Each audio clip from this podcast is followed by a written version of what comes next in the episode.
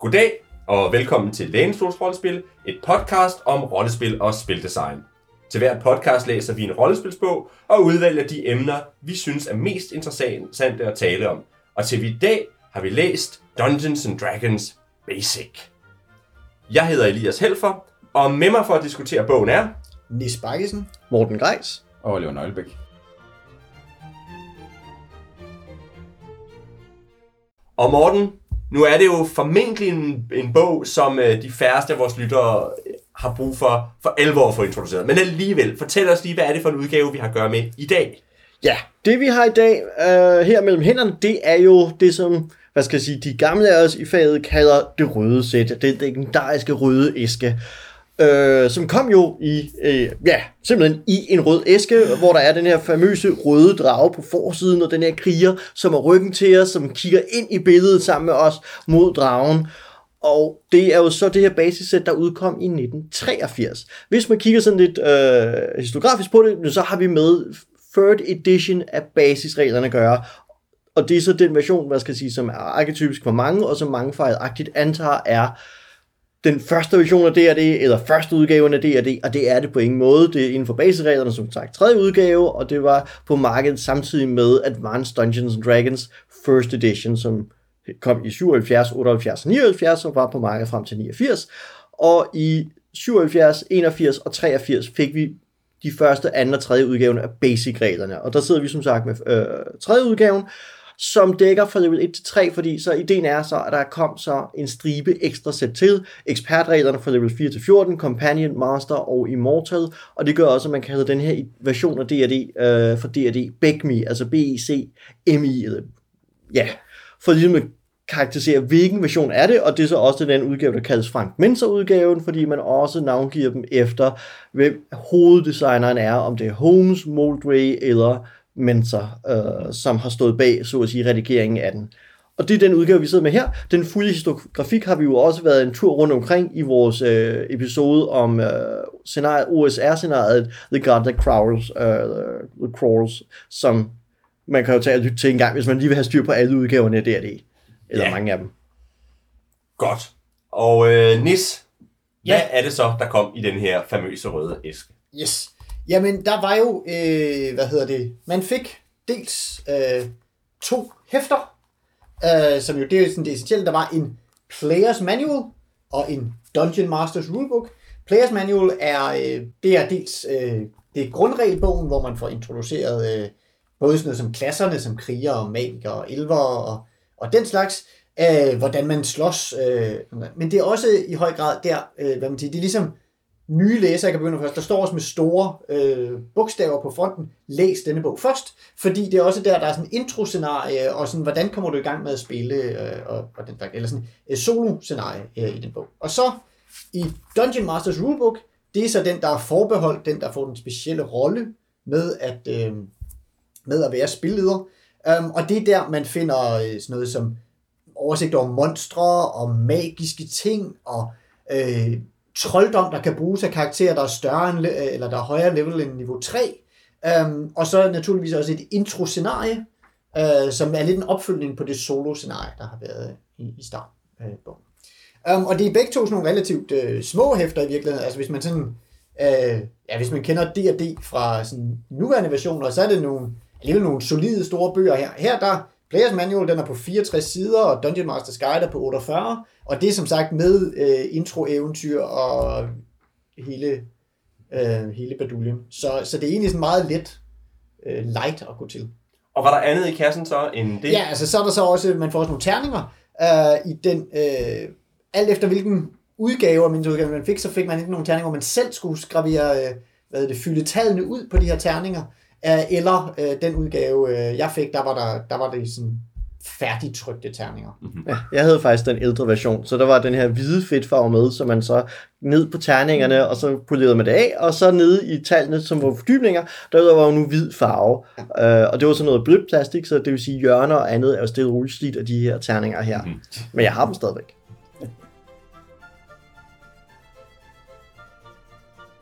Oliver, da de lavede det her sæt, så havde de jo den opgave, at de fleste af dem, der læste den, de øh, ikke havde prøvet det før. Så øh, hvordan, hvordan præsenterede de rollespil for, øh, for en ny generation?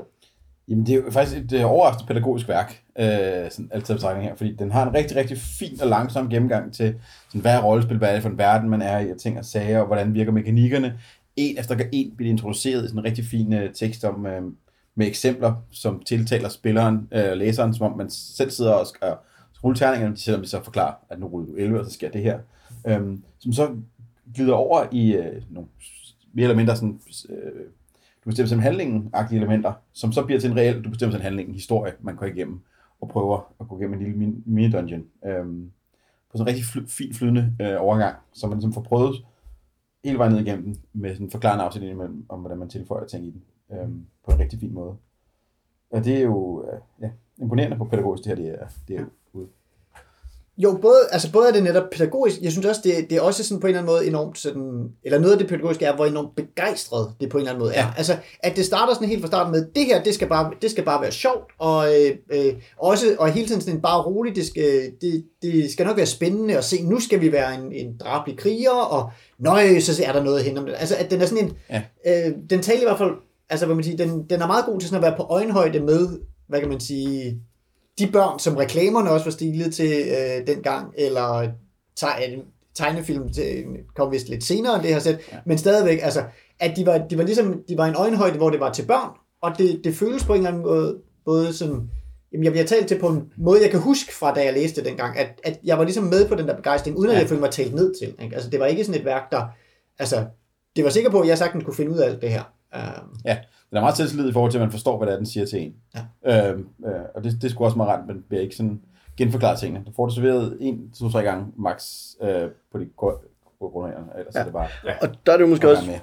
Sjovt, når du kigger på, hvad, hvad sammenhæng det er udgivet i, ikke? fordi et rollespil har på det tidspunkt eksisteret i ni år, beskidende ni år, og det vil sige, der er ikke særlig meget materiale at hente som inspiration. Der er ingen YouTube-kanal, man lige kan sige, hvordan spiller man, skal vi lige følge med i Critical Role Show, og kigge på nogle timers rollespil der det fandtes ikke. Det vil sige, at når folk blev interesseret i at spille, hvis der ikke var en ven, en nabo, en storebror, en fætter, et eller andet, der kunne introducere folk til at spille, jamen, så var man nødt til at, øh, at starte her faktisk, fordi at reglerne øh, til Advanced Dungeons Dragons på det tidspunkt er så knuder indforstået, at ingen nye kan starte der. Um, fordi der, der kommer vi ud i en helt anden øvelse i dårlig formidling i forhold til det her. Uh, så så det, derfor har det også en ekstra funktion af, at der er ikke noget at sammenligne med, så at sige. En ting, som jeg lagde meget mærke til, også fordi det generede mig en lille smule, eller irriterede mig, det er, når man læser karakterbeskrivelserne, så er der en masse fraser, som de gentager hver gang. Og det tænker jeg, det er også fordi, det handler om, at man skal, øh, man skal starte spillet som sige, jeg vil gerne spille en elver, og så slår man op på elverkapitlet, og så læser man det. Så du ikke læser sådan en generel intro til klasserne, men du læser bare, bare elverne. Ikke? Så for eksempel så er der sådan en, en beskrivelse af, at når du er level 1, så har du en bestemt titel, og nu kan jeg ikke huske, hvad det er, man, man hedder som elver, men, men man har en eller anden titel som elver. Øh, jeg kan ikke huske, om det er Oracle eller hvad pokker det er, det er sådan et eller andet. Og når man så bliver level 2, så skal man ikke omtale folk som en level 2 karakter, man skal omtale dem som en, hvad det nu er, er de ellers hedder. Øh, og øh, og, og, og det, den der beskrivelse, det, det står her et eller andet sted, ikke? Øh, Warrior siger, og veteran medium. Ja, men og det, det som jeg også uh, stussede lidt over, det var det her med uh, title. Your cleric should use this title when talking with other characters. Instead of saying, I'm Clarion, a second level cleric, the character should say, I'm Clarion, the adept. Uh, og så hedder man Acolyte som level 1, Adept som level 2, og Priest eller Priestess som level 3. Og den der præcise formulering går igen i alle klasserne. Ja. Og da jeg sad og læste dem, og der er jo imod væk, der er 6-7 forskellige klasser, der blev jeg sådan lidt, ja ja, jeg forstår det godt, jeg behøver ikke læse den igen. Men jeg kan da godt se, at hvis man er nybegynder, så er det fint, den står i hver af dem, fordi ja. så kan du bare slå op på den, du spiller, og så står det til dig der, ikke? Ja. Øhm, og det siger jo også noget om, hvem det er, der er stilet til. Den er stilet til folk, der, der ikke har læst resten af bogen nødvendigvis. Altså, de læser kun det, de skal bruge. Og det, og det tror jeg, du, at der, der har du i høj grad ret i, at det netop er sådan en, øh, altså at så snart du ligesom er kommet igennem de, de indledende øvelser, eller hvis, øh, eller hvis du netop mødes med den der fætter for at vide, nu skal du i gang med at spille, så er det sådan lidt, og her, du kan spille en tyv eller en præst eller sådan noget, og så siger man, okay, jeg vil godt være tyv, Jamen, så læser du netop kun det. Ja. Øhm, og sådan i virkeligheden lavet til, at, øh, at du starter der. Jeg synes også, det er meget sjovt, at, øh, at og det, stussede jeg sådan lidt over, da, da jeg fik lidt, og jeg kan huske, eller jeg har ikke noget, nogen hukommelse om at stusse over det, dengang jeg læste øh, første gang. Men her, den snakker blandt andet om, for eksempel øh, en cleric er jo en præst. Um, men den siger meget ikke, du skal ikke bekymre dig om, hvad for en, hvad, hvad for en religion du er præst over, og hvad, hvad, for nogle, hvad, hvad folk går rundt og tror og sådan noget. Fordi ja, ja, selvfølgelig har folk øh, religiøse øh, hvad hedder det, holdninger og så videre. Det har de også i den her verden, men det er ikke det, det handler om, så det skal du ikke bryde dit øh, kyndige og, og på nogle måder bliver det lidt sådan en, uh, hov, er det, der ikke, er det ikke også en væsentlig del af vores rollespil? Og jo, det er det selvfølgelig nu, men, men på mange måder kan jeg egentlig godt se fornuften i at sige, jamen for at komme i gang, og for at spille den slags spil, som Dungeons and Dragons lægger op til, så er det ikke, så, det er ikke, det er ikke, det før, det er ikke der, du behøver at stoppe op. Du må gerne have det med, hvis du, hvis du ligesom har overskud til det, men det er ikke der, du behøver at stoppe op og tænke, om hvem er jeg egentlig øh, præst for, eller hvad indebærer det egentlig? Men der tror jeg også, og det kommer vi til at snakke om senere, jeg tror også, det handler lidt om den spilstil, som det her sæt lægger op til. Og nu ved jeg, at I siger, at, at der sker nogle ting med det, men altså, at, at der er en bestemt spilstil, hvor der er det absolut ikke vigtigt, hvad det er for en, hvad det er for en gud. Ja. Og det kan det så måske blive senere, ikke? Ja. Det kan det blive senere, ja. Men jeg tror også, at igen, at folk nærmest intuitivt kan ikke være med at digte sådan nogle ting på. Det kommer meget hurtigt, synes jeg, at folk selv skaber sådan noget kulør. Så, så hvad skal jeg sige, så selvom basissættet her ikke har mig den type detaljer, så kommer det hurtigt. Og det her system var jo også i sin allerførste udformning jo bare tænkt til, at der var særligt i første udgaven af basisreglerne, du spillede lidt til 3, og så gik du over og spillede Advanced Dungeons Dragons, fordi det her var i virkeligheden bare jo et introsæt, det var ikke meningen, det var et selvstændigt spil. Det går der så hen og bliver med 3rd edition her, hvor du lige pludselig har et fuldt regelsystem, så du kan køre hele vejen op til level 36, og så, så begynder der at ske nogle andre ting, fordi så skal der pludselig en verden på, og klærken skal have nogle præ- øh, guder og tilbe og sådan nogle ting og sager. Så man kan sige, at der er også en, en, en udvikling i spillet på den måde øh, som, som gør, at det, det starter et sted, og så slutter det et andet sted. Ja. Jo, men, ja, men noget af det, hvad man siger, som jeg måske synes er sjovt, det er det, at de, hvad man siger, det er ikke sådan, at de bare ignorerer det. Det er mm-hmm. ikke sådan, at de bare lader være med at tale om de her guder. De i tale sætter direkte, at ja, selvfølgelig er du præst for en eller anden gud, og selvfølgelig er der religiøse ting, men det skal du ikke tænke på. Altså, det er stadigvæk, mm-hmm. ja. altså, det er stadigvæk en anden måde at formidle på, end bare at ignorere det og tænke, det kommer folk nok øh, selv på. Altså, der er ligesom sådan en, hvad man siger, der er meget sådan en, læser jeg i hvert fald stemning af, sådan lidt, lad os nu bare komme i gang. Ja. ja. Ikke? Altså, og så putte det på senere. Ikke at det, ikke, mm. de siger ikke, at det er dumt at tænke over, de siger bare sådan lidt, lad være med at få, lad, du skal ikke stoppe der og få det til at forhindre dig i at komme i gang. Eller sådan ja. noget. Mm. Altså, det, det er mere sådan en, det har meget sådan en, nu skal vi ud og opleve noget. Ja, den har en rigtig fin retning på, hvad den gerne, gerne vil i den hele tråd. Den vil gerne have til at forstå de grundreglerne for, hvordan du kommer ud og udforske nogle huler. Mm. Det, er det, den, det er det, den hele tiden er rettet mod. Det er, altså, du skal hurtigst muligt forstå, hvad det er, du gør, så du kan tage nogle kvalificerede valg, når du er ude og, og løbe rundt ned en hule, og, og vide, hvad du er op mod, og hvordan du skal håndtere de her ting, der sker i hulen. Ja. Og det synes jeg er, ja. er dejligt at se. Øh. Ja, altså det er jo noget af det, jeg synes, at dens for, er, at hurtigt i gang med at spille. Ja. Ja, meget hurtigt, ikke? Fordi faktisk er regelbeskrivelsen er jo i virkeligheden et, mini, et miniscenarie. Ja. At, ja. at, at du, du starter med, at, at den starter med at sige til dig, nu skal vi lege, at du er en fighter, og så får du i løbet af den her intro får du bygget stats på, og du får prøvet at rulle nogle terninger, og du får prøvet hitpoints og alle de der forskellige ting. Altså, jeg tænker, det gør så nok også, at den bliver, den bliver lidt besværlig at bruge som et opslagsværk, fordi at mange af reglerne er gemt i et narrativ, ikke? Men, men det tror jeg også, at den, den måde, den gør det på, er rigtig fint. Fordi spillederen får fat i, i, i boksen, kører hele det introscenariet igennem og lærer det, og når, når spilleren har været det igennem og har prøvet de ting af en eller to gange med sig selv, så er man klar til at formidle videre til ens venner, og så har du billeder øh, hæftet bagefter, så står alt det andet i, og så har du en til at formidle til de næste spillere, og det synes jeg sådan, den måde, den, den her kompleksitet vokse, som den rigtig fine lille træ, er rigtig, rigtig øh, sådan, fin måde at gøre det på. Jeg kan huske, det var sådan, jeg startede selv med den danske udgave af, af det her, med at sidde hjemme og nørde det ud, og så tvinge mine venner til at spille med mig. Øhm, mm-hmm. Fordi jeg kunne reglerne, og de skulle bare gøre, hvad jeg sagde, og så var det godt for alle. Ikke? Og det man kan sige, de har jo også haft en ekstra, øh, en ekstra udfordring i form af, at de, de, de kunne ikke regne med, de kunne ikke regne med, at der var sidemandsoplæring. Hvor man kan sige, at i dag med mange af de rollespil, vi har kigget på side, øh, se, øh, side, øh, senere, eller tidligere i, i, i, her i podcasten, der, der har man godt i en eller anden grad kunne regne med, at der var en, en grad af sidemandsoplæring.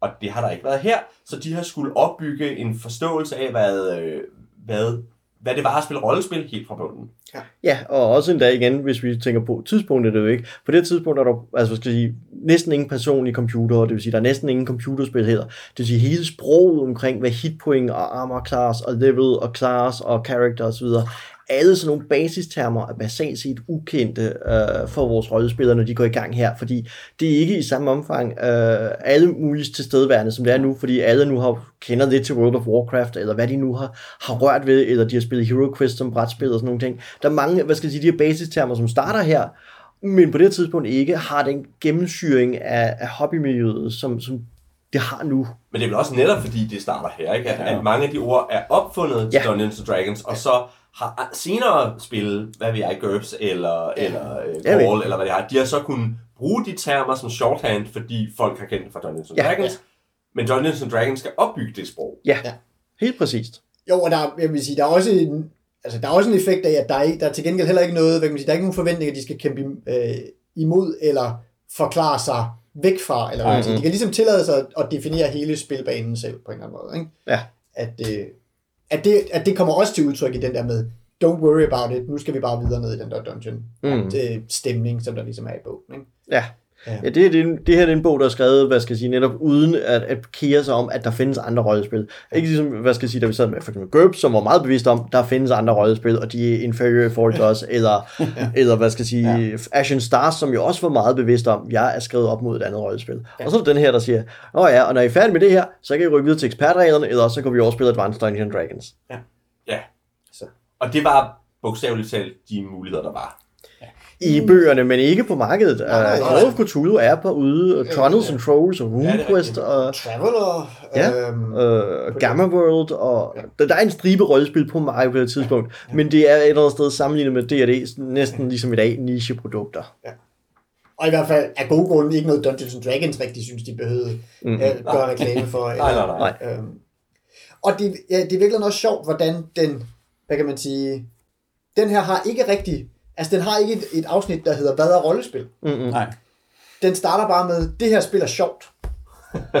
Og så, altså, Ja. at, Mm. at, at, at det er egentlig også en meget sjov kontrast til selv til at senere udgaver af D&D, ikke? som godt vil forklare dig, hvad rollespil er, fordi måske har du hørt om, hvad rollespil er. Det her, det er D&D, og så finder du ligesom senere ud af, at det er det, der er rollespil. Eller, altså, at, Mm. mm. at det er også en meget sjov um, kontrast. Ja. Så.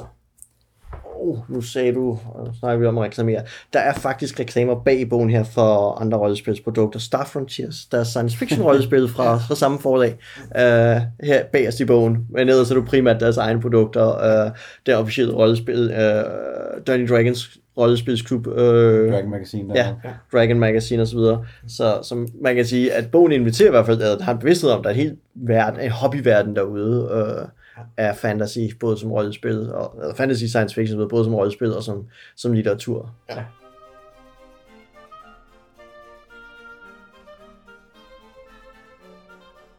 Men udover at de her skulle fort- fortælle, fortælle folk, øh, hvordan man spiller rollespil, skulle de også ligesom sige noget om, hvad det var for en type rollespil.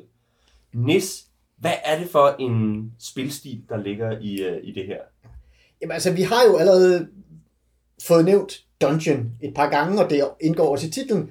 Og spilstilen er i høj grad, hvad kan man sige, øh, det ligger op til at ja, gå på eventyr, og det vil sige at gå ned og udforske et, øh, en, en hulesystem for at finde nogle skatte, øh, have nogle spændende oplevelser, møde nogle monstre måske, øh, eller øh, redde nogle øh, vildfarende, hvad hedder det, præstinder, som øh, er kommet i uførsel. Men altså, dybest set, gå ned sådan et, et ukendt, øh, farligt sted, øh, udforske det på bedste beskub, øh, og kom tilbage med primært flest muligt skatte, fordi blandt andet erfaringssystemet øh, lægger jo meget, man får erfaringspoint, øh, i, reglerne er erfaringspoint primært defineret som noget, du får, hvad hedder det, øh, ved at dels du ting ihjel, men i endnu højere grad ved at slæbe skatte med tilbage. Øhm, og erfaringspoint er en, øh, en dyrebar eller og interessant ressource, fordi det er ligesom den, der måler, hvor det, det er den, der giver dig progression i det her spil. Det, det, det, er, det er ligesom den store præmie, øh, som du bliver bedre med. Det, det er, at du har fået de her erfaringspoint. Så det er jo, øh, og hvad kan man sige, sådan i god øh, incitamentstyring, så øh, har du lyst til at spille på en måde, der gør, at du får flest mulige erfaringspoint. Og det handler altså om at, at slæbe nogle skatte ud af, ud af nogle huler. Um, og det er også, altså det er det, man ser i introscenariet. Um, man er gået ind i en hule, Uh, men, uh, hvad hedder det, um, så kan man gå lidt rundt der, møde nogle væsener. Nogle af dem kan man, uh, de fleste af dem kommer man op og slås med, men det er sådan set ikke, hvis man kan undgå det, så er det fint. Uh, man får nogle skatter og slipper dem med hjem. Hvis, man, hvis ting er gået egentlig skidt, så kan man stikke af tidligere. Altså man er ikke sådan tvunget, der er ikke noget, man skal mm. nede i det der solo scenarie. Man skal ligesom bare klø på, indtil man ikke tror, at man, altså indtil man ligesom synes, Nå, nu har jeg ikke så mange hel, øh, hitpoints tilbage, og jeg har drukket min helbredende drik, så er det måske øh, på tide at vende hjem. Um, og, så, og så må man ligesom selv vurdere, og så kan man eventuelt, der er mulighed for, at man egentlig går tilbage til byen, og så kommer, øh, kommer ind i hulen igen. Det gjorde jeg, da jeg spillede det her. Jeg, jeg genspillede solo snart, da, da, vi, da vi læste bøgerne, uh, fordi jeg mistede min rustning undervejs, så det viste sig at være sådan lidt risikabelt, så tænkte jeg, så kunne jeg godt lige gå ned og købe en ny. Um, men øh, altså, så, så så det er meget det, der, meget det, der handler om. Og det, er også, og det er også der, det kommer ind, det der med, jamen, i den situation er det måske ikke så vigtigt, hvilken Gud du, du beder til. Der er, det, der er det vigtigere, at den Gud måske kan hjælpe dig med noget helbredende magi, og at du kan, du kan hjælpe nogle øh, folk. Og, sådan, og, og hvad kan man sige, og ja, du spiller en rolle, øhm, og det taler den da også om, at man øh, skal skelne mellem spillere og karakterer og sådan nogle ting. Altså, Um, men det er ikke, fordi den sådan bygger meget op omkring, hvad man siger, der er ikke sådan enormt meget personlighedsmekanik, der er noget alignment, um, som jo er en, en meget udskilt og omdiskuteret mekanik, som, som lidt kan modellere. Uh, og den skal vi lige vende tilbage til. Ja. Så, øhm. mm. så, men ellers, hvad man siger, det, er, det er ikke det, der understøtter meget af reglerne. Og man kan også sige, mange af specialreglerne for karakterer, de handler mere om for eksempel dværge eller elver, der er gode til at finde nogle hemmelige døre eller sådan noget. Det handler ikke om, øh, det handler ikke om deres smidekunst eller deres øh, øh, lyrik derhjemme eller sådan noget. Nej, det handler ligesom om, okay, hvad kunne være praktisk at kunne nede i en hule? Det kunne være at finde ud af, om, øh, om der var en hemmelig dør, som der kunne være nogle skatteskjul bag. Og der kunne, ja, og jeg tænkte, jeg vil godt lige spole lidt tilbage til XP, en af ene, fordi, hvad skal jeg sige, skal, øh, hvad skal jeg sige, netop det der med, at de skatte, man kommer hjem med, de giver XP eller erfaringspoint. Men jeg tror også, det er vigtigt at fremhæve skalaen her. Ja. Det vil sige, at hvis jeg sparker døren ind til det her lille rum, møder en ork og en kiste, hammer ork ned, og kommer hjem med kisten, og der er 100 guldstykker i den, så får jeg, og jeg er en level 1 kriger, så skal jeg bruge 2000 XP for at stige level. Orken giver 10 XP, kisten med de 100 guldstykker giver 100 XP. Så for at dræbe en ork og tage den skat på 100 guldstykker, så har jeg fået 110 XP. Det er altså et system, der er rigtig meget op til. Det er skattene, det vi alle sammen jagter. Og, og der kan jeg ikke lade være med at tænke, når jeg sådan tænker tilbage til mine ADHD-dage, 2.000 guld er meget. Ja. Altså, ja. du, du, du er del med rig, når du bliver level 1. Eller level 2, ikke? Ja. ja. Mm. Altså, Øh, og, og det stussede jeg da lidt over. Ja, der er ikke så meget at bruge pengene på. Øh, Nej. Jo, heller ikke. Når du har fået din, din tunge rustning, og de, og de store våben, det kan ikke købe Magic Items, som du kan i senere rollespil. Og jeg spekulerer på, at det er der, hvor, øh, det er der, hvor den der, den der sådan, øh, stereotyp med eventyr, der sidder på kronen og spenderer en frygtelig masse penge, den kommer fra, fordi du slæver en masse guld med hjem, og du skal bruge den på noget. Ja. I A det mindes jeg faktisk, at i hvert fald første edition, man brugte den på træning. Ja, der Men det nogle... mener jeg ikke, at der er noget af her. Nej, der er ingen træningsregler i den version her. Uh, på det punkt er, kan man sige, er der også gået meget mere ind til benet, hvad angår regler, fordi der er mange af den type små regler, som er pillet helt ud af systemet og gemt til, uh, til advanced-udgaven. Så, så jo, man betaler for noget træning, og derved har man et sted at smide alle sine penge hen i advanced-udgaven, som ikke er her. Ja, det giver så lidt mening. Ikke? Ja. Men, men så kan man så sige, så er det stadigvæk en enorm formue, man betaler en eller anden træner ja. for at... Øh, ikke? Altså, ja. Så, men heldigvis kan man jo sige, at det er sådan noget der, hvor det sjove skift i regelsystemet her er jo, at det her det er jo basisreglerne. Det dækker level 1 til 3, der kommer man i dungeons, den lokale dungeon, som ligger jo en timesgang fra, fra landsbyen. Og så når vi så når ekspertreglerne, level 4-14, så ligger de jo ude i vildnisset, det vil sige, så skal vi altså rejse nogle mil eller nogle dage gennem vildmarken for at finde dungeons og udforske dem. Og nogle gange kan det eventyr så bestå af mange små dungeons på måske bare nogle få 3, 4, 1, 2, 3, 4, 5 rum, som man så udforsker gennem en hel vildmark. Men nu begynder vi jo så at komme op omkring level 9, og det er der, man begynder at bygge fæstninger. Så alle de penge, du har så akkumuleret fra level 1 til 8 og så videre på level 9, så kan du begynde at bygge borge med dem. Og det er jo så der, hvor reglerne, særligt når du rammer level øh, 15-25 kampagnereglerne, så kommer alle de her regler omkring, hvordan bygger du borge og får land og så videre ind, og så har du udgifter. Øh, og fordi så kommer reglerne for os at føre krige ind og sådan nogle ting, og fortsætte op videre op i mastersættet øh, fra level 26-30.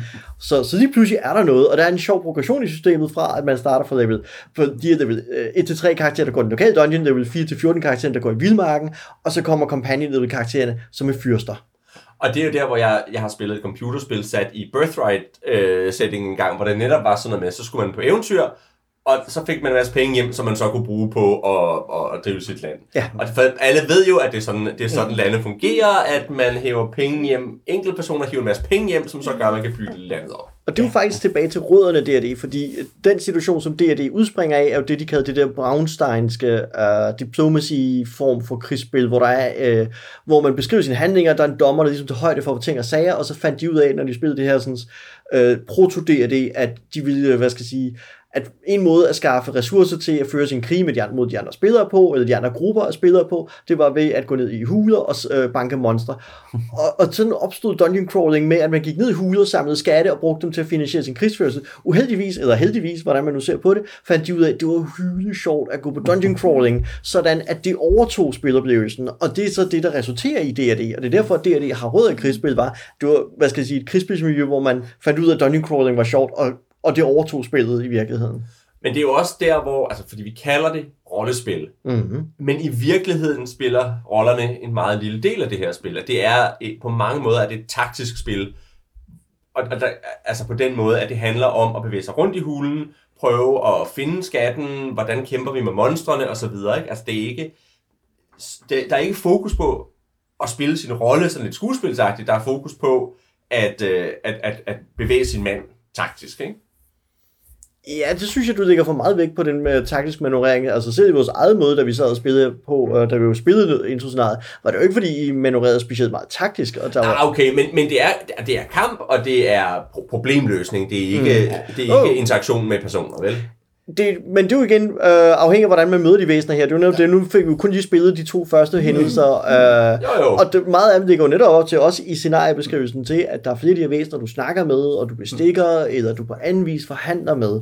Øh, og det er deri, at de jo også ser et, et rollespil, det er jo, at du rollespiller mødet med de væsener, er der, Men det er jo stadigvæk noget. mekanistisk baseret på din karisma-score og din reaction ruler, som ting og sager. Ja.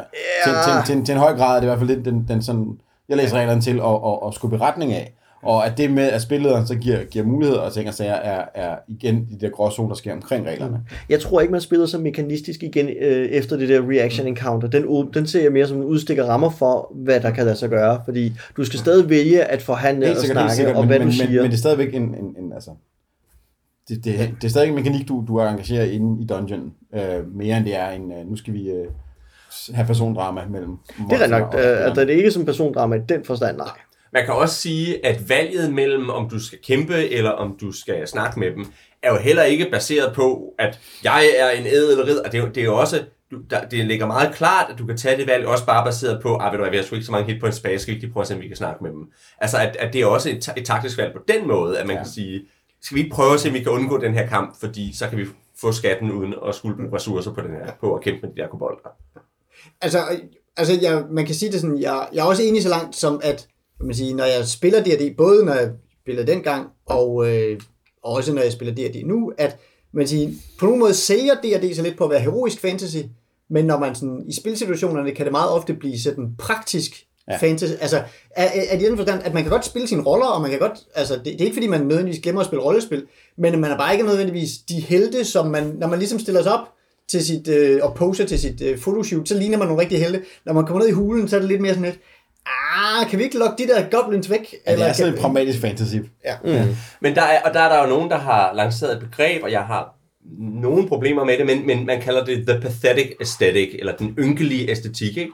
Og den synes jeg også, vi så lidt i vores prøvespil. Det der med, at man i virkeligheden øh, er en, øh, lidt, lidt ynkelig og lidt dårlig, og, og man risikerer at blive slået ihjel i, i den første gang, man bliver ramt af en kobold, og, og at du, du øh, altså, og, og det synes jeg også går igen, når man kigger på de på mange af de evner, man har. Hvis du for eksempel er en, er en, er en elver, så kan du finde hemmelige døre, hvis du siger, at du gør det, og du ruller øh, et eller to på en sekssidig terning. Ikke? Altså, at, at der er mange af de ting, man kan, som der er meget lille chance for, at du, du kommer til at fejle frygtelig meget.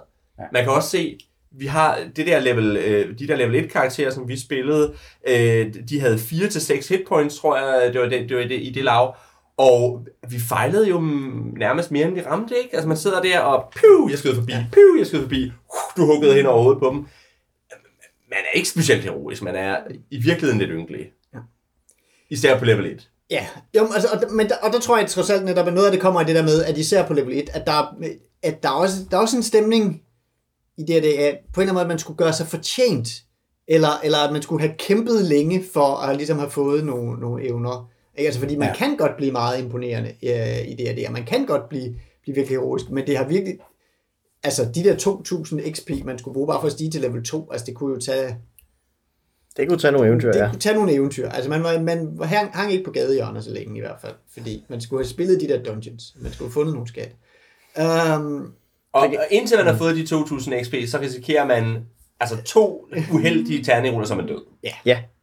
Men det er simpelthen stilen. Altså, det her er et, et, på det punkt en langt mere gritty form for fantasy-rollespil, øh, end, end hvad det er nu om stunder, ikke? Altså, det er en helt anden power-skala, vi har med at gøre. Og det vil sige, den gennemsnitlige, for eksempel D&D 5th edition karakter, er jo også, hvad skal jeg sige, på level 1 meget hurtigt omkring, en, hvad der svarer til en basis D&D karakter på level 3-4 stykker. Så, men jeg ved, ikke, jeg ved ikke, om jeg nødvendigvis vil kalde det, eller, altså det er sådan mere arbitrært, end det er gritty. Ja. Mm. Ikke? Altså fordi, det er, det er i hvert fald ikke gritty ligesom Warhammer for eksempel. Nej, det er ikke Så- så- Warhammer gritty. Altså det er ikke, det er ikke sådan filthy, og det er, heller, og, og det er ikke sådan, hvad kan man sige, uselheden ligger ikke så meget i verdensbeskrivelsen, eller sådan Nej. noget. Nej, nej, nej. Men Det er jo det- ikke lemlæstet og Nej, ting. men den, den ligger netop i, sådan, i, det, i det mekaniske med, at ja, okay, det kan godt være lidt arbitrært, om man, om man nu var den held, der vandt, eller man var den held, som de andre finder en skat på senere hen. Ja, altså. Og man kan sige, og det er sådan måske lidt, lidt ser sammenligning, men det er mere talisman, end det er Hero, Hero Quest, ikke? Altså, i, Ja, ja. ja, altså at, at i talisman, der ruller du en terning, og så sker der et eller andet. Og måske lykkes det for dig, eller også så bliver du lavet til en frø. Nå. Altså, og hvor i Hero Quest, der, der er der alligevel rimelig stor sandsynlighed for, at du kommer et pænt stykke af vejen ind i, ind i scenariet, før du risikerer at dø, ikke? Altså, øhm, Men altså igen, det er også noget af det, der ændrer sig, når man kommer længere op i, i niveau og sådan noget. En ting, jeg bemærkede, som jeg slet ikke kunne huske, det er for eksempel det, at man i det her, som kriger, man bliver ikke bedre til at slås de første tre. Nej, gør man ikke. Man får nogle flere hitpoints, og det er sådan cirka det. Ja. Det er... Ja. Det er, det er præcis det, der er forskellen på level 1, 2 og 3 kriger, det er mængden af hitpoint. Ja. Han får en Hvor langsomt D8 han vælter. hitpoint plus con modifier, uh, og så på level 4, så, fal, uh, så falder hans uh, to hit armor class 0 fra 19 til 17, Så er han blevet det. og hans saving throws forbedres også der. Ja. ja. Nu øh, sagde jeg tidligere, at vi skulle vende tilbage til alignment, fordi det var noget af det, jeg blev overrasket op, øh, over. Jeg er jo vokset op med AD&D Second Edition, og der var jo ni alignments. Der var lawful good, neutral good, chaotic good, øh, lawful neutral, neutral, chaotic neutral, og så lawful evil, neutral evil og chaotic evil. Og her er der kun tre, der er, og det er ikke engang evil, neutral og good, det er de samme som i Warhammer i virkeligheden, lawful, neutral og chaotic. Og det synes jeg var interessant. Dels det der med, at det er mindre granulært, men også det med, at her kunne både kunne helt faktisk godt spille chaotic, som er den i går sådan onde alignment. Hvor jeg vil sige, i A.D.D. ville jeg, ville jeg stusse over det, hvis man spillede ond, hvis ikke resten af partiet var ondt. Ikke? Altså, og det synes jeg jo er øh, interessant, at de, jo, de har ændret den del af det. Øh, eller at, at, at der har de i hvert fald ikke været helt øh, lige på hele vejen igennem. Det er i hvert fald interessant, synes jeg, det der med, at, øh, at det netop er, hvad kan man sige, lawful chaotic-aksen, de har valgt, Ja. og, og ikke, altså på en eller anden måde, så altså, der ligger bare sådan enormt meget sådan moralsk øh, dom i at sige good og evil. Ikke? Ja. Altså, øh, der, der, bliver, der bliver lagt nogle helt faste rammer, hvor lawful chaotic netop har lidt mere spillerum. Ikke? Altså, Hvor meget går du op i fællesskabet versus dig selv? Ja. Øh, er det jo mere sådan en akt omkring, ikke? Men det er jo også, og det er jo så måske også ikke, at fordi der ligger en anden vægtning i Lawful og Chaotic, end der gør i, i, øh, i to, to akse øh, alignment systemet, ikke? Fordi, fordi her der er Lawful, det er, at du gerne vil noget for fællesskabet, og Chaotic er, at du er individualist. Og hvor man kan sige, forskellen på Lawful Good og Chaotic Good er, at Lawful Good tror på, at det er regler, der gør det gode, og Chaotic Good tror på, at det er individer, der gør noget godt, og det er, det er at, øh, at, at, at lov kan være onde, ikke? Så, så man kan sige, at, at, øh, at der er en anden vægtning af det på en eller anden måde. De er begge, alle, begge to er altruister, men, men uh, Lawful Good siger, jamen sådan er lovene desværre nogle gange, det er selvfølgelig ikke så rart, men sådan er det. Og kan også godt sige, nej, sådan skal lov, hvis lovene er sådan, så ned med lovene. Ikke? Mm. Altså at, at, at, øh, at her, der er det, hvis du ser ned med lovene, så er du ond på en eller anden måde. ja, altså, du er i hvert fald endt i den samme kategori, som de, som de onde Ja, er. Mm. Samfundsundergravende. ja. ja, ja. Men det, jeg virkelig gerne vil vide med alignments, det er alignment languages. Ja, Ja, Jeg det op, Ja. Endelig. Um, jeg Og fandt, det skal være, vi skal lige, det er sådan, at hver alignment har et sprog, og hvis du skifter alignment, så, skifter, så mister du adgang til dit gamle sprog, og så får du dit nye sprog. Ja. Og, altså, og det er, som det er beskrevet i reglerne, og som det fungerer, så er det, det er et fuldt gyldigt sprog. Så, så hvis man er, hvad hedder det, hvis man er en chaotic troldmand, så og man møder nogle chaotic gobliner, så kan man tale til hinanden på det her kaotiske sprog. Øhm, og Med mange irregulære verber. ja, øh, det, det, det, det, bøvler, det bøvler at lære, men, øh, Oh, men det er ondt. Ja. så ja, omvendt, det er altså også vildt irriterende at skulle tale lawful, fordi at alting skal bare, altså man kan aldrig altså, lave poesi på lawful. Det er meget Esperanto. svært. Vi er enige om det. Ja, ja, ja. Det, er- det er et love child mellem Esperanto og tysk. Så. Anyway, øh, det lykkedes mig, fordi der, vi er ikke de første, der har undret Nej. over live. Altså, jeg undrede mig over det dengang, jeg var 9 år gammel og læste de her regler, og det røg rimelig hurtigt ud. Det er min, er min spilverden. Um, men nu fandt jeg nogen, der havde fået, fundet Gygax øh, og havde spurgt ham, og han sagde dels i det her quote, jeg kan ikke citere det lige nu, for jeg sidder ikke med det foran, men han fortalte, at øh, hvad man siger, dels, han indrømmede, at det var måske ikke hans bedste påfund ever. um, og der er, rimelig, der er mange dårlige påfund, eller der er mange sære påfund i D&D, så, så det, at det kan tage prisen for det, jeg måske også siger noget. Men øh, tanken, inspirationen kom fra, øh, hvad kan man sige, at hvis man nu var katolik under, eller hvis, hvis de var under korstogene, så jamen, alle katolikker, de kunne nok ikke tale latin, men de havde nok alle sammen hørt nogle latinske øh, fraser, og kunne ligesom identificere sig over for hinanden ved at sige sådan noget lectiles coditorum, og så vidste man ligesom, okay, vi, vi er nok på samme hold, og tilsvarende, at øh, muslimer havde nok alle sammen øh, stødt på øh, en eller anden form for arabisk, øh, selv hvis de ikke kom fra arabisk talende lande, og så videre. Så det var ligesom, altså tanken var ikke, at det var sådan fuldgyldige sprog, men at det netop var de her sådan fraktionsidentifikationer. Og hvordan det så blev til, at du netop glemmer det automatisk, bare fordi du skiftede alignment, og, og det, jamen det var også netop, hvad man sagde, det, det fungerede aldrig helt. Og på mange måder sådan i de nyere udgaver, hvor de har nogle af de her forskellige celestial og abyssal og sådan altså det sprog, som engle taler, og det sprog, Ja. som djævle taler, og, og de her sprog, som du kan lære, de er ikke nogle sprog, du får automatisk bare af at vide det, men du kan ligesom bruge det som undskyldning og sige, at jeg er præst af den her religion, så måske kan jeg også godt tale noget celestial, så et af de sprog, jeg har lært. At der, fun- der er ligesom kommet til at komme tættere på den funktion og så videre. Um, så nu hvor jeg har hørt den forklaring, kan jeg godt se, hvad han ville med det, og kan da godt synes, at det var Ja. meget sjovt, men det er bestemt ikke det, man får ud af reglerne. Nej. Men det er så måske der, hvor det, det på nogen måde har den fordel, men også lidt lider under, af, at det ikke har en setting. Fordi hvis det havde været en setting, så siger man bare, Nå, men lawful, det er The Lawful Empires sprog, og chaotic, det er de hervende horder sprog, eller det er, det er øh, nu kan jeg ikke huske, hvad de kalder, altså øh, gondoriansk øh, kontra øh, øh, mordorsk, eller Dark hvad det nu er, ikke? Hvad siger du? Dark Tongue of Mordor. Dark Tongue of Mordor. Ja, altså, det er jo præcis, ikke? Fordi ja. Ja. der har de, der har det, der er det bare bundet op på nogle kulturer, og, og, og så giver det mening, at dem, der hører til over, herover i den ene ja. Side, de taler det her sprog, og de er gode, de fleste af dem, og dem, der er herover, de er onde, de fleste af dem, og de taler så det her sprog. Og, og der kan man sige, hvis nu man tog det ind i Greyhawk-settingen, så kunne man bare sige, at det er det her sprog og det her sprog, og så har vi færdig slut, ikke? Så, så giver det pludselig mening. Men det er jo også det, der generelt er med, med mange af de regler, der er, særligt i spillet afdelingen af det her øh, hæfte. Øh, det er, at mange af dem er sådan helt kontekstløse. De er der bare, fordi det er noget, der sker i en dungeon, og ergo skal der være nogle, nogle regler for det, som spilleren kan smide ud på spilleren, når de gør et eller andet. Øhm, og, og, der er ikke sådan et sammenhængende system på, hvordan ting bliver håndteret. Mm. Det er tilfældige terning, man vælger at rulle med, og, og nogle steder er det tabeller, og nogle steder er det, er det terningslag og, øh, og sådan ting, siger, der, der skal til for at løse ting. Men det er altså meget sådan hodgepodge blandingsprodukt. Ja, fordi der kan man jo sige, hvis man kigger på reglerne, netop det med, at det er jo ikke konsistent. Altså det vil sige, et angrebsrulle, øh, der ruller man højt på 20 side. Når man laver et saving throw, så skal man rulle over en vis værdi. Hvis man vil lave en styrketest, jamen så ruller man under sin styrke. Men hvis man vil åbne en dør, så ruller man en 6 side, så håber på, at man ruller en 6'er. Hvis man til gengæld vil lytte ved døren, så ruller man en 6 side, så ruller, en, ruller efter en 1'er. Fordi det er det, man Men ruller. mindre man er 20 og har Ja. en procentsats for, hvor god man er til at lytte. Præcis. Så, Og så, og så er der clerics, der ruller, er det en D12'er for at, at turne on det? to Nej, seks. 2 til 6. 2 til 6. Ja, ja, det, det er rimelig stringent det her, ikke? Og ikke tilfældige regler, det her. Øh, ja, okay, øh, nu vi taler om terninger.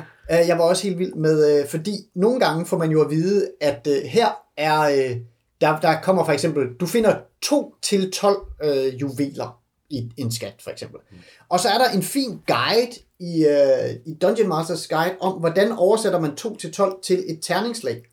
Og lige 2, øh, 2 til 12, det kan de fleste af os nok godt regne ud. Ah, Må ikke det er 2 D6, øh, to seksede terninger, man lægger sammen. Men, så, men 3 til 13, det er jo så naturligvis 2 D6 plus 1. Og, så, og der er et simpelt system for, hvordan man oversætter alle de her talkoder til terninger. I stedet for bare at skrive, hvad for nogle terninger man skal rulle. Ja. at på den måde er det også bare sådan bizart i sin... Altså, at, at vi har tidligere talt om den her fine formidling af at formidle entusiasme, når det er reglerne, så det er det formidler, altså det regelsystem, man får formidlet, er så til gengæld virkelig... Ja, også fordi det er aldrig afklaret, hvis du har et resultat fra 10 til 60, er det så 1d6 gange 10, eller er det 10d6? ja, Ja. Ja. det må du lidt selv finde ud af. Med, så. ja. Morten, nu kan man sige, at øh, der er ikke nogen, der er ikke nogen, der er specielt meget i tvivl om, at der er en stor arv efter Dungeons and Dragons. Men skal vi ikke prøve at lave nogle nedslag i nogle ting, der ligesom kommer ud af det her? Hvad, hvad, hvad har det medført, det her? Hvordan har det præget det rollespilspiller i dag, kan man sige? Ja, først og fremmest så har det jo, hvad skal jeg sige, leveret et, et helt sprog i kraft af i koncepter såsom experience points, i kraft af hitpoint, øh, skill checks, initiativrulle. Hele konceptet om, altså hele udtrykket erklær initiativ eller rulle initiativ, øh, hvad skal jeg sige, er jo, er jo ting, der kommer direkte ud af Dungeons and Dragons, fordi det er ligesom de her grundlæggende mekanikker, som jo så gør, at det, du kan næsten ikke opstøve et rollespilsystem, som ikke har initiativ som faktor, for eksempel, at man skal rulle initiativ, at man skal rulle for at ramme, man skal rulle for at gøre skade. Øhm, der er, hvad skal jeg sige, så der er sådan nogle helt basale, hvad skal jeg sige, termer og basismekanikker, som alle sammen har deres rødder direkte ned i D&D, og, stadig, og hvad skal jeg sige, jeg stadig henter dem den dag i dag, øh, hvilket man kan se på rigtig mange fankreationer, at når folk går i gang med at lave deres eget rollespil, så er det tit og ofte en klon af D&D, de sætter sig ned og laver. Mm. Ja, øh, og, og, og hvor man kan sige, kunne man lave det på andre måder, men jeg har jo jeg har hørt nogen snakke om, at verden ville have set anderledes ud, hvis det havde været Tunnels and Trolls, vi gik ud fra. Fordi hvis man for eksempel kigger på kamp, kamp i D&D er meget en enkelt person og et enkelt monster, ikke? Og at, at jeg laver et hit roll, og så laver monsteret et hit roll tilbage på mig, hvor man kan sige, mm. hvis det skulle være realistisk, skulle vi i virkeligheden skulle det være en contest, ikke? Fordi vi ja. slår ja. på hinanden. Ja. Hvor Tunnels and Trolls har to sider, og der er altid en side mod en side. Altså, at, at, at sådan noget kunne man lige så godt have. Det kunne lige så godt have været sådan, vi forventede, ja. det skulle være, ikke? Jo, det, det kunne det godt have været. Uh, og Tunnels of True er det der med, at man lægger sine ressourcer sammen, man danner to sider, og så går det ud over din stats, det vil sige, at den tabende side bliver svagere og svagere, så den har en helt anden tilgang til det i virkeligheden, som virkelig kan være dødbringende at sammenligne med med D&D. Fordi Det er at, en dødspiral. åh oh ja, den har en dødspiral, så det går ondt. Men i virkeligheden mere realistisk, end det der er i Dungeons and Dragons på nogle punkter, ikke? Jeg tror, det er svært at tale om realisme i det Ja. system. Jo, jo, men, men, men- men, men- men, men, det er ikke, det er i hvert fald ikke, fordi man kan klandre Dungeons Dragons for at være specielt realistisk, Nej, kan man sige. det, det er ikke fordi, den, den stræber efter en realisme. Den har jo altid bare valgt at operere med en abstraktion i de form af de her hitpoint her. Og så, har det nogen, så, og så er det lidt inkonsistent, hvornår et hitpoint repræsenterer, hvad skal jeg sige, en konkret skade, eller en, en udtryk for udmattelse og svækkelse. Øh, og det, det har D&D-reglerne heller aldrig selv været konsistente med. Den måde kan man se, hvordan at, at uh, healing og sorg og skader fungerer i Dungeons Dragons på. At det, det svinger inden for, for de enkelte udgaver af D&D, hvornår at, uh, at et hitpoint repræsenterer konkret sorg, hvornår det uh, repræsenterer en overordnet svækkelse, udmattelse af en karakter. Så, men jo, altså, der er da helt sikkert, altså, hvad man sige, jeg ved ikke, hvordan man, hvor man lige vil placere forskellige systemer på skalaen, men man kan sige, altså, rolle, de tidlige rollespilsystemer er D&D, der er klart, øh, ja, VHS-båndet, eller, øh, eller øh, MS-DOS-systemet, som vandt, fordi det bare tilfældigvis var det, der blev mest udbredt, og ikke fordi det nødvendigvis er det, der havde de bedste, mest konsistente regler, eller øh, var nemmest at finde, finde rundt i. Altså, det var bare tilfældigvis det, der Fordi pornoindustrien valgte dem. Ja, det var, ja, måske. Der, altså, det, jamen, jeg, når jeg ser på nogle Elmore-tegninger, kan jeg da Ja. godt uh, give dig lidt ret i, uh, i den udlægning. Nå, men og der tror jeg også, at en af grundene til det Dungeons and Dragons, der, der blev så populært, er også fordi det er, det er enkelt mentalt at rumme. Altså, at, hvor man kan sige, hvis du kigger på Warhammer, Warhammer er ikke mentalt nemt at rumme, fordi du skal være usel, og du skal være, du skal, det skal være skrækindjagende. Det samme med Call of Cthulhu. Det er i virkeligheden svært at lave, at lave godt Call of Cthulhu. Det er faktisk ret nemt at lave hederligt Dungeons and Dragons. Det er ikke sikkert, at det bliver super, super, super godt, men det bliver hederligt. Og det er også nemt at tage Dungeons and Dragons scenarie og køre fra bladet, hvor man kan sige igen, Call of Cthulhu, det kan være svært at køre fra bladet, eller sværere i hvert fald at køre fra bladet.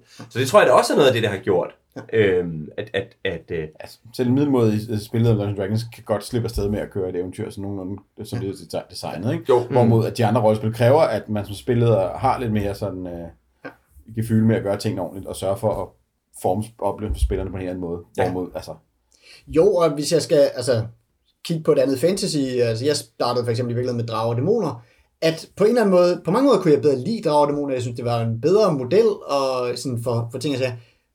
Men det var bare enormt tillokkende med de der levels, og, og det der, altså den der, det der åbenlyse måde, man blev bedre på, og man kunne se ligesom, okay, på det tidspunkt, så bliver jeg med med sej, og sådan noget. Og det var også ligesom nemt at sige, okay, nu har vi spillet nok første level karakter, nu starter vi på level 4 eller et eller andet. Ja. Og så er vi ligesom sejre, hvorimod det var sværere i de der, øh, altså i Drager og Dæmoner, eller RuneQuest, eller...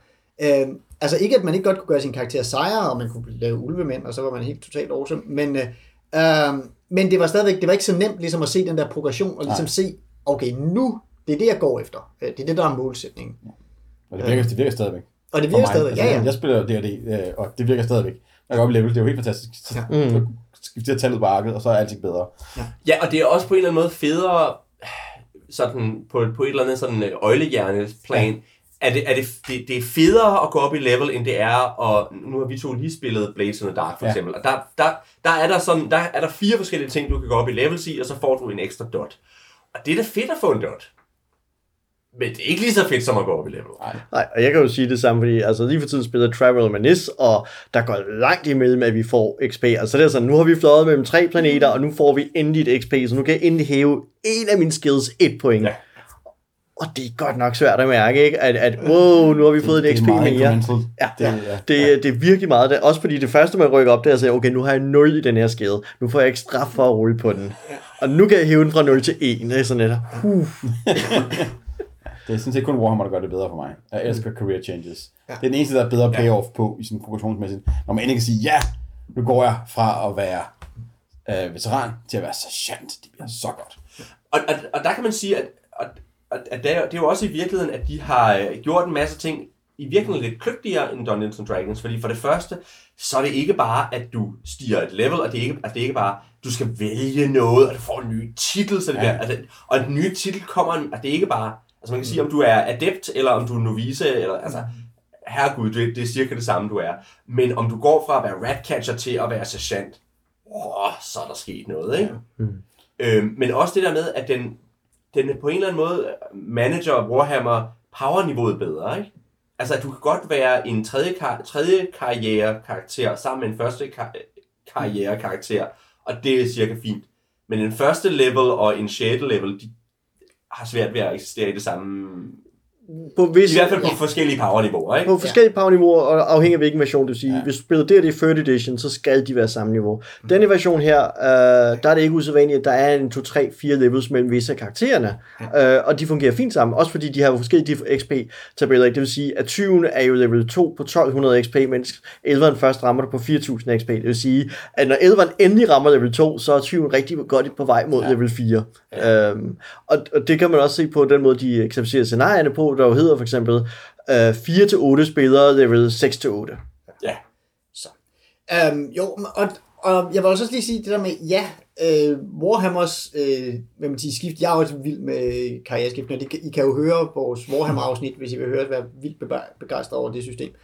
Um, men jeg vil sige, der er alligevel, altså, der er nu også noget at sige for den der simplicitet i at Ja. sige, altså at blive level 20, og, og ligesom at, at have et spor her, som hedder, nu er jeg, nu er jeg kriger, og nu skal jeg bare blive mere og mere awesome til at være kriger. Lige netop kriger er måske ikke det, der det er det basis er det mest spændende, men så, så som troldmand. Ja. Altså at se derud af at se på de fantastiske formularer, man får på højere og højere niveauer og sådan noget. Ikke? Altså at, at der er noget, hvad man siger, der er noget rå appel, og man kan næsten forstå de der, øh, altså Raistlin og sådan nogen, altså hvorfor de bliver helt korrupte af, af al den magt, fordi man, man har, man har glædet sig så længe fra at blive, kun kunne kaste en usel spil, og så var man færdig for den dag, og endelig får man adgang til noget mere, og man bliver ikke drillet af alle de andre. øh, Men der er Troldmand jo i virkeligheden også en, en interessant karakter, som vi kunne gå meget mere ned i, fordi der er det ved, at alle de andre starter nogenlunde kompetente, og bliver mere og mere nogenlunde kompetente. Og Troldmanden starter med at være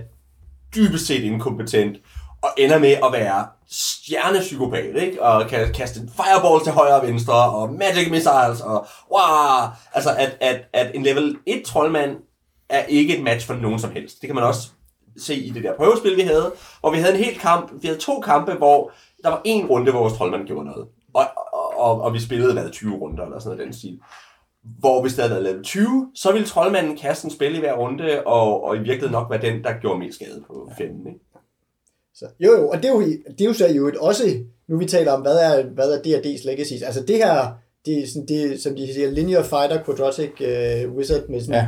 Ja, det, hvordan de, de udvikler sig. Altså ja. det er jo også et, et, et meme, altså det er jo et meme, som man kan se sågar i anden altså underholdning med uh, Mitchell and Webb, der har deres BMX uh, Bandit og The Angel Summoner, er jo også sådan en, øh, en reference til ja. uh, en, en wizard versus en fighters uh, evner og sådan nogle ting. Altså, ja, altså det er jo, at på den måde er det jo også blevet, blevet en ting, at, fordi der er andre systemer, hvor troldmænd er egentlig rimelig køres nogenlunde samme power, men man ikke i Warhammer er man ikke nødvendigvis Nej. totalt meget sejre, fordi man er en troldmand. Men Mm. det er sådan noget, der det er sådan en meme, der er kommet fra, eller en kulturting, Ja, der er kommet ja. fra D&D. ikke? Ja, det er det. Og det, det er måske det sidste, vi lige skal snakke om her i, i, i den her del, og det er, at, at det er jo også det, som, som, som Dungeons and Dragons har gjort, fordi der var så mange, der blev bombarderet med de samme billeder, så hvis man snakker generisk fantasy i dag, så snakker man jo Dungeons and Dragons. Og, ja. øh, og, og, og, og der kan man sige, altså for eksempel, jeg har, nu har jeg, her i foråret har jeg læst uh, Silmarillion,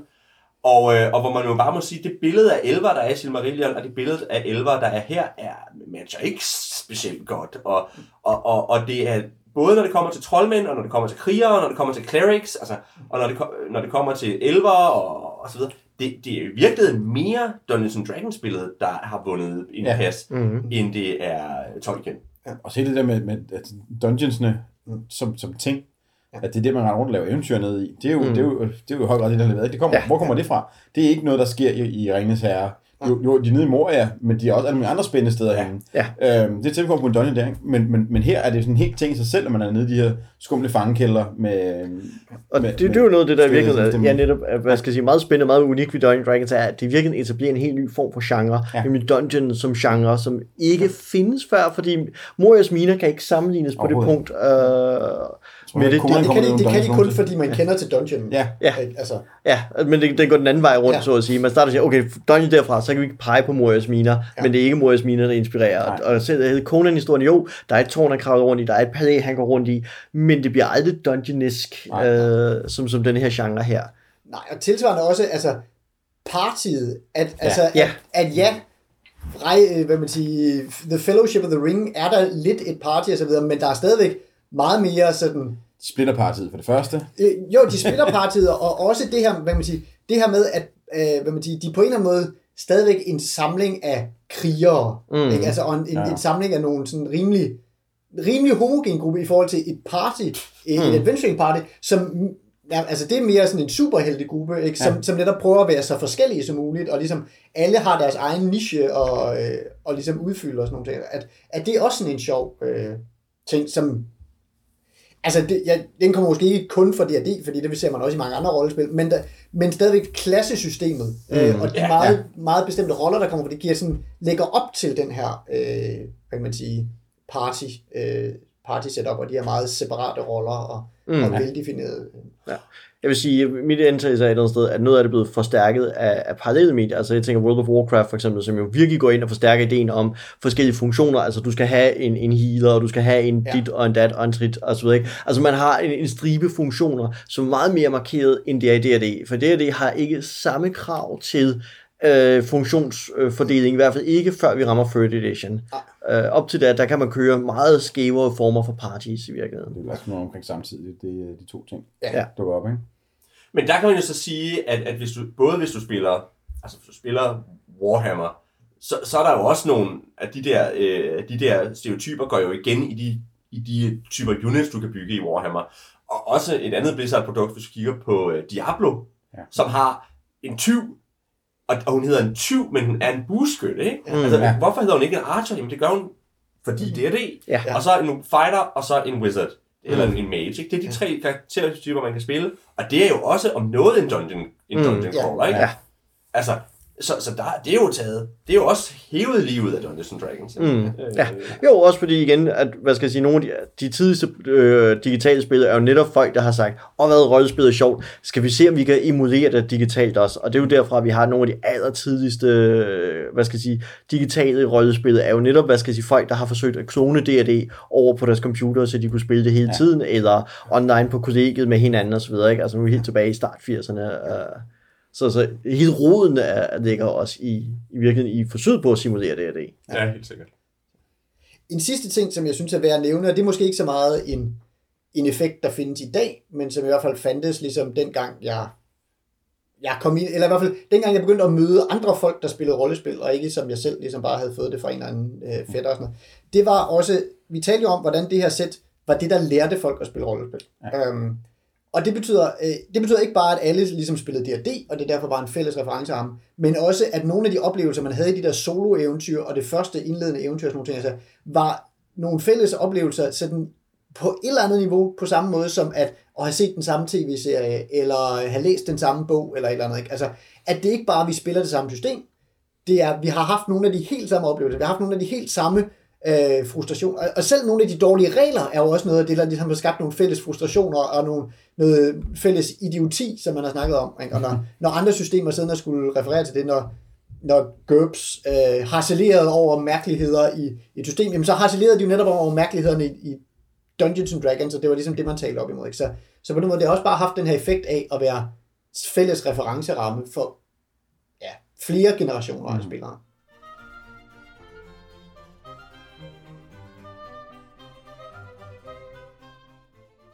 Godt. Nu har vi øh, fået vendt det her rigtig meget. Øhm, men hvad, hvad synes vi egentlig om, øh, om denne her udgave af Dungeons Dragons, hvis vi skal kigge på den i sig selv? Hvad, hvad, hvad tænker I om det? Øh, Nis? Øhm, ja, jamen altså, jeg synes jo, øh, jeg var positivt overrasket over, hvor pædagogisk det var, da jeg læste igen. Det havde jeg ikke øh, egentlig forventet. Øhm, jeg forstår nu bedre, hvorfor jeg blev fanget øh, af det dengang. Øhm, jeg synes stadigvæk, altså det er noget forfærdeligt juks som et regelsystem. Øh, jeg har spillet det for ikke så forfærdeligt lang tid siden, øh, sådan, øh, men, men mere som sådan en, en øvelse, det har jeg spillet sammen med Mort Grejs. Um, og, vi har, og det har vi haft meget sjov ud af at, at spille gamle systemer. Og det er ikke, der findes masser af gode scenarier til det, og jeg kan have gode oplevelser med det og sådan noget. Men det er stadigvæk ikke, hvad kan man sige... Jeg vil ikke anbefale nogen at starte med D&D Basic.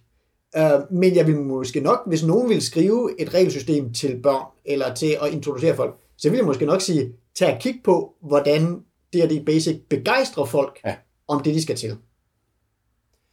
Helt sikkert. Og der er jeg, jeg er meget, meget enig med dig, at jeg øh, øh, er, altså, hvis jeg skal være ærlig, synes jeg jo, det er nogle dårlige regler. Jeg, jeg synes, jeg, jeg, og også fordi vi ved så meget i dag om, hvordan man kan lave øh, regler, der er interessante at interagere med, og, og, og, og, og, og hvor, hvor man altså, faktisk er kompetent, når man, når, man, når man har et eller andet som sin særlige evne, så virker den rent faktisk, og sådan nogle ting. Der er en masse ting, hvor det, og det kommer selvfølgelig også af, at man har prøvet det der af, og fundet ud af, hvad var det, der frustrerede med det der. Men på den anden side er det der, jeg kan godt se, at det er et neat produkt. Altså, jeg havde forventet, at det ville være meget værre. Jeg havde forventet, og det kan så være, at det, det ligger i AD&D, ikke? Altså i, i, i, de første Advanced Dungeons Dragons. Men jeg havde forventet, at jeg skulle klø mig i hovedet og sige, hvordan pokker virker det her egentlig, og kryptiske tabeller, og, og det synes jeg da ikke, der er så meget af. Det, det, det er at have med at gøre. Det, det er bare dødeligt og tilfældigt og øh, mærkeligt stykke sammen. Jeg er meget enig i- med det, jeg har sagt, men jeg synes også, sådan rent designprocesmæssigt, med rollespil som en samlet designproces, så kan jeg godt tilgive mange af de ting, der sker med mærkeligheden fordi det er typisk, de eksperimenterer med, hvordan man løser ting i rollespil. Hvordan kan man bedst muligt løse forskellige udfordringer i det? Hvordan kan man bedst muligt simulere ting og ting og sager? Som et rigtig eksperimentrum, så er det ret meget sjovt at se alle de muligheder med procentterninger, eller sekssides, eller hvad det er. Altså, det, det, det er meget lejende med formen, men vi har de her fjollede terninger, og vi har den her fiktion, vi gerne vil arbejde med. Så den kan jeg godt tilgive den for at være så særlig. Den synes jeg faktisk, øh, den, den har vundet mig over på det, øh, efter vores snak nu her. Og så er jeg ret vild med den øh, sidste del, der er i Dungeon Master-bogen, som er dungeon-bygning-delen, som også er rigtig sund i forhold til processen i at bygge en dungeon. Hvordan tankerne er i den i forhold til senere rollespil, som slet ikke tænker over, hvordan du bygger en dungeon op. Der er, i, i Dungeon Master Guide i, i moderne D&D, har jeg ikke nogen sådan rigtig arbejde med, hvordan du laver en fed dungeon. Det har den her til gengæld, hvordan du selv kan tegne en dungeon, der kan noget fedt. Og det synes jeg er inspirerende at se, at det er så tidligt med en. Og lige som sidebemærkning til det, der synes jeg, det er ret fedt, at de bemærker, at den dungeon, du kommer igennem i solo er en dårlig dungeon. Ja. Ja. At det indrømmer de helt blankt. At den, den er ikke lavet for at være en god dungeon. Det får du at lære det. Ja. Mm. Ja. Og i Ja. det hele taget er den jo meget, undskyld, men den er meget klar over, den siger meget klart, hvad det her det handler om. Og det synes jeg, der er mange andre rollespillere, for eksempel Girls, ja. kunne lære noget af os, og sige, hvad er det, vi spiller? Ja, øh, og jamen, altså jeg har selvfølgelig et naturligt, øh, naturligt forhold til det her. Det er mit første rollespil. Det er jo min første rollespilshæfter, vi sidder med her, øh, meget konkret. Så de er jo over 30 år gamle. Øh, og, og vi sidder jo også med et system, der er 35 år gammelt, og baseret på et, et endnu ældre system. Ikke? Så, så det, det er jo meget gamle regler, som også, hvad skal jeg sige, for mig legitimerer, hvorfor det nogle steder er så, så mærkeligt, så skævt. Det er simpelthen det røde, og de har ikke haft tid. Altså, det her er jo et system, der er bagudkompatibelt. Øh, så, så man kan spille det med virkelig gamle regler, øh, eller materiale til. Men jeg kan rigtig godt lide netop også den der pædagogiske formidling, fordi det her er et, et system, der tager folk i hånden og fører meget hurtigt ind, hvordan gør vi de her ting? Hvordan kommer vi i gang med at spille? Øhm, hvor jeg, hvad skal jeg sige, noget sted, andre regelsystemer drukner lidt i, at jeg skal igennem en masse fiktionstekster, og en masse baggrund, og en masse regler, og så videre, og der går lang tid før jeg ved, hvordan man spiller, fordi jeg skal først vide, bygge en karakter, og lange afsnit om den slags, og her vi er i gang med at spille, før vi overhovedet ved, hvordan vi laver en karakter. Uh, og det synes jeg er fedt, at den øh, har fokus på spiloplevelsen før karakterskabelsen. Um, så på den måde synes jeg også, at den er en rigtig smuk øvelse i, netop, hvordan formidler man rollespil, hvordan sætter man noget god formidling op. At det så som praktisk regelsystem kan være øh, upraktisk efter at finde rundt i, fordi at det, hvad skal jeg sige, det er jo det, jeg synes, mange rollespil står også med, det er sådan, at skal det her være en tekst, der formidler rollespil, eller skal det være et opslagsværk til at tjekke regler i bagefter? Og der har man et andet sted brug for nærmest sådan to hæfter. Et, der er opslagsværket, og et, der er formidlingshæftet. Ja. Uh, og det, det mangler den her. Den manglede lige tredje hæfter, der bare var opslagsværket. Ja. Så jeg tror jeg, det havde været helt perfekt. Udover selvfølgelig, det er lidt, lidt mystisk system til tider. Um, men som Oliver er lidt inde på, noget af det, jeg synes, der er sjovt, er nemlig det der med, at, at det her er også et rum, hvor man udvikler et eller andet sted, eller udtænker regler, som man sidder og spiller, ikke netop, hvad skal jeg sige, et eller andet sted, det man også får indtryk af i spillet efter, sådan at sige, okay, når den her situation opstår, men her er nogle retningslinjer til, hvordan vi kan klare det, og ellers så laver du sgu bare en regel for det. Jo, altså det gør det i det mindste sådan rimelig hackable, fordi Ja. ja, der er ikke Ja. nogen dele, der passer sammen, så du piller nogen ud, eller siger, det her alignment-system, det virker åndssvagt, vi står ikke, hvordan vi skal bruge det. Så droppede man bare det, og der var ikke noget, der ligesom faldt sammen af den grund. Mm-mm. Øhm, så. så det er da en fordel ved ja. inkonsistente regler. Mm. De, er meget, de er meget robuste. Et sidste spørgsmål, som jeg synes, vi skal, som, jeg- som jeg godt kunne tænke mig at stille jer. Hvis nu I skulle sige, hvad for en, en version af Dungeons and Dragons, I, der er jeres yndlings, hvad er det så for en? Buh. Det er svært. Det er faktisk svært for mig at sige. Øhm, for jeg har, jeg har mange, hvad hedder det, jeg har varme øh, fornemmelser for, for flere af dem, fordi jeg synes, de kan noget forskelligt. Altså jeg selv, Dun- 4th edition, kan jeg se noget, noget sjovt i, selvom den er meget udskilt. Og, øhm, Den er Ja, sådan ja, lidt The ja. Phantom Menace of uh, Dungeons and Dragons. Ja. Jeg tror, hvad man siger, hvis nogen spurgte mig, hvad for en Dungeons Dragons udgave de skulle gå i gang med nu, Ja. så vil jeg pege på 5th. For jeg synes, det er en rigtig solid udgave, øh, som kan rigtig mange ting. Hvis jeg skulle sige, hvad for en, der har givet mig flest nostalgiske minder, så er det A, det det second edition. Jeg har jo noget langt hen ad vejen samme sted som Nis. Uh, 5th edition synes jeg er pt. Uh, den bedste version af D&D, som er nem at gå til osv. Den har så nogle ting, hvor jeg nogle gange synes, at, at power levels og så videre, som man skal sige, rent hvordan jeg godt vil bygge en verden op med det her reglerne, der synes jeg nogle gange, at karakterernes powers øh, er for høje og videre, men det er en smagssag, og der kan jeg nogle gange godt lide, at de er lidt mere nedtonet i Basic D&D og i Advanced Dungeons Dragons Second Edition, Øhm, og ligesom med NIST, jamen, så har jeg et eller andet sted mange af mine kerneoplevelser med AD&D Second Edition reglerne, så et eller andet sted giver de der hen ad vejen også nogle af mine favoritregler. Eller, eller mat- materialet fra den periode, vil jeg hellere sige, fordi ja. regelsystemet er stadig ikke godt, men der er noget virkelig godt verdensbyggende materiale i uh, Second Edition æraen.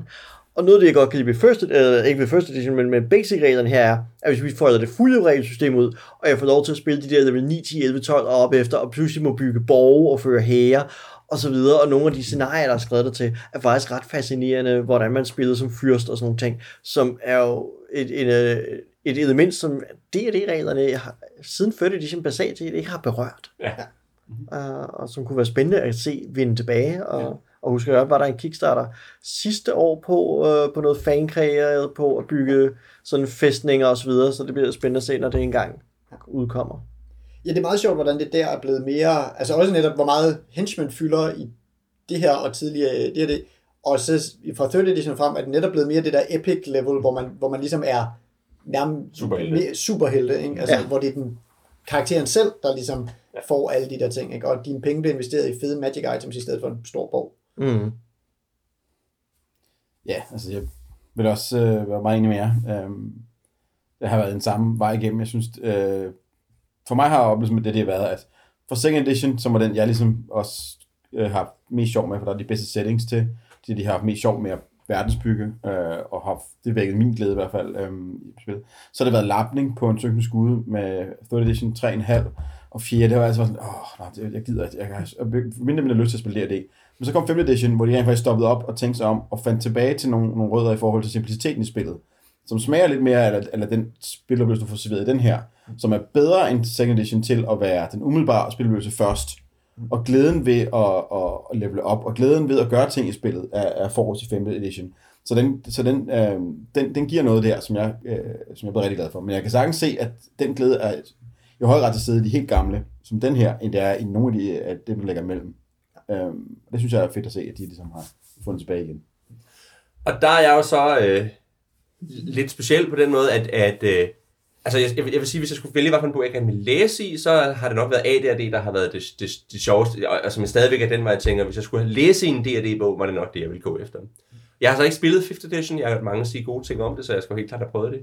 Jeg tror, hvis jeg skulle sige, hvad jeg ville selv ville, hvis jeg ville spille, hvis jeg, ud fra dem, jeg har kendskab til, så ville det nok være 3rd edition. Øh, og, og, fordi 3rd edition øh, var nemmere spilbar på, på nogle måder, end AD&D var, og der var, der var flere muligheder for at, at lave det derhen, hvor jeg gerne vil have det, øh, synes jeg. Men der er helt klart også nogle udfordringer ved det, ikke? og der er en grund til, at jeg ikke har spillet særlig meget D&D, fordi, fordi det var det, der ligesom var Men det var det, jeg synes var det? problemet med 3. edition, det var, altså begyndte matematikken at fylde mere. Der var det buildet og Ja. karakterbygningen, der fyldte. Ja. Og det er, gået, det, det er meget mindre relevant i 5th edition.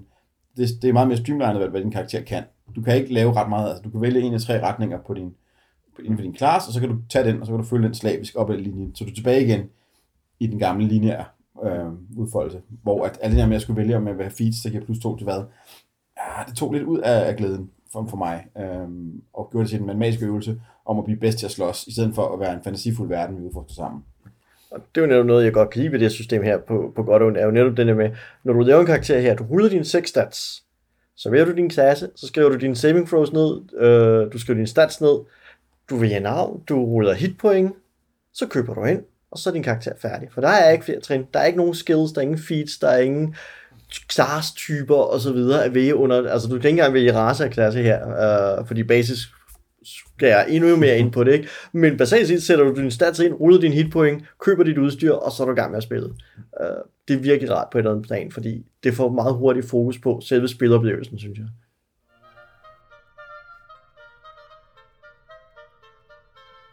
Det var alt for den her gang. Hvis du vil kommentere på dagens afsnit, eller du bare gerne vil sige hej til os, kan du finde os på lænestolsrollespil.dk. Du kan også finde os på face- Facebook, hvor vi er Lænestolsrollespil, eller du kan skrive til os på kontakt Vi er Nis Bakkesen. Morten Greis. Var Nøglebæk. og Elias Helfer. Tak for den her gang. Vi håber, I vil lytte med næste gang, hvor vi snakker om Primetime Adventures.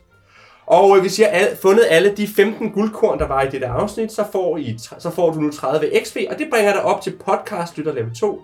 Så nu kan du smykke dig med titlen Trofast Lytter.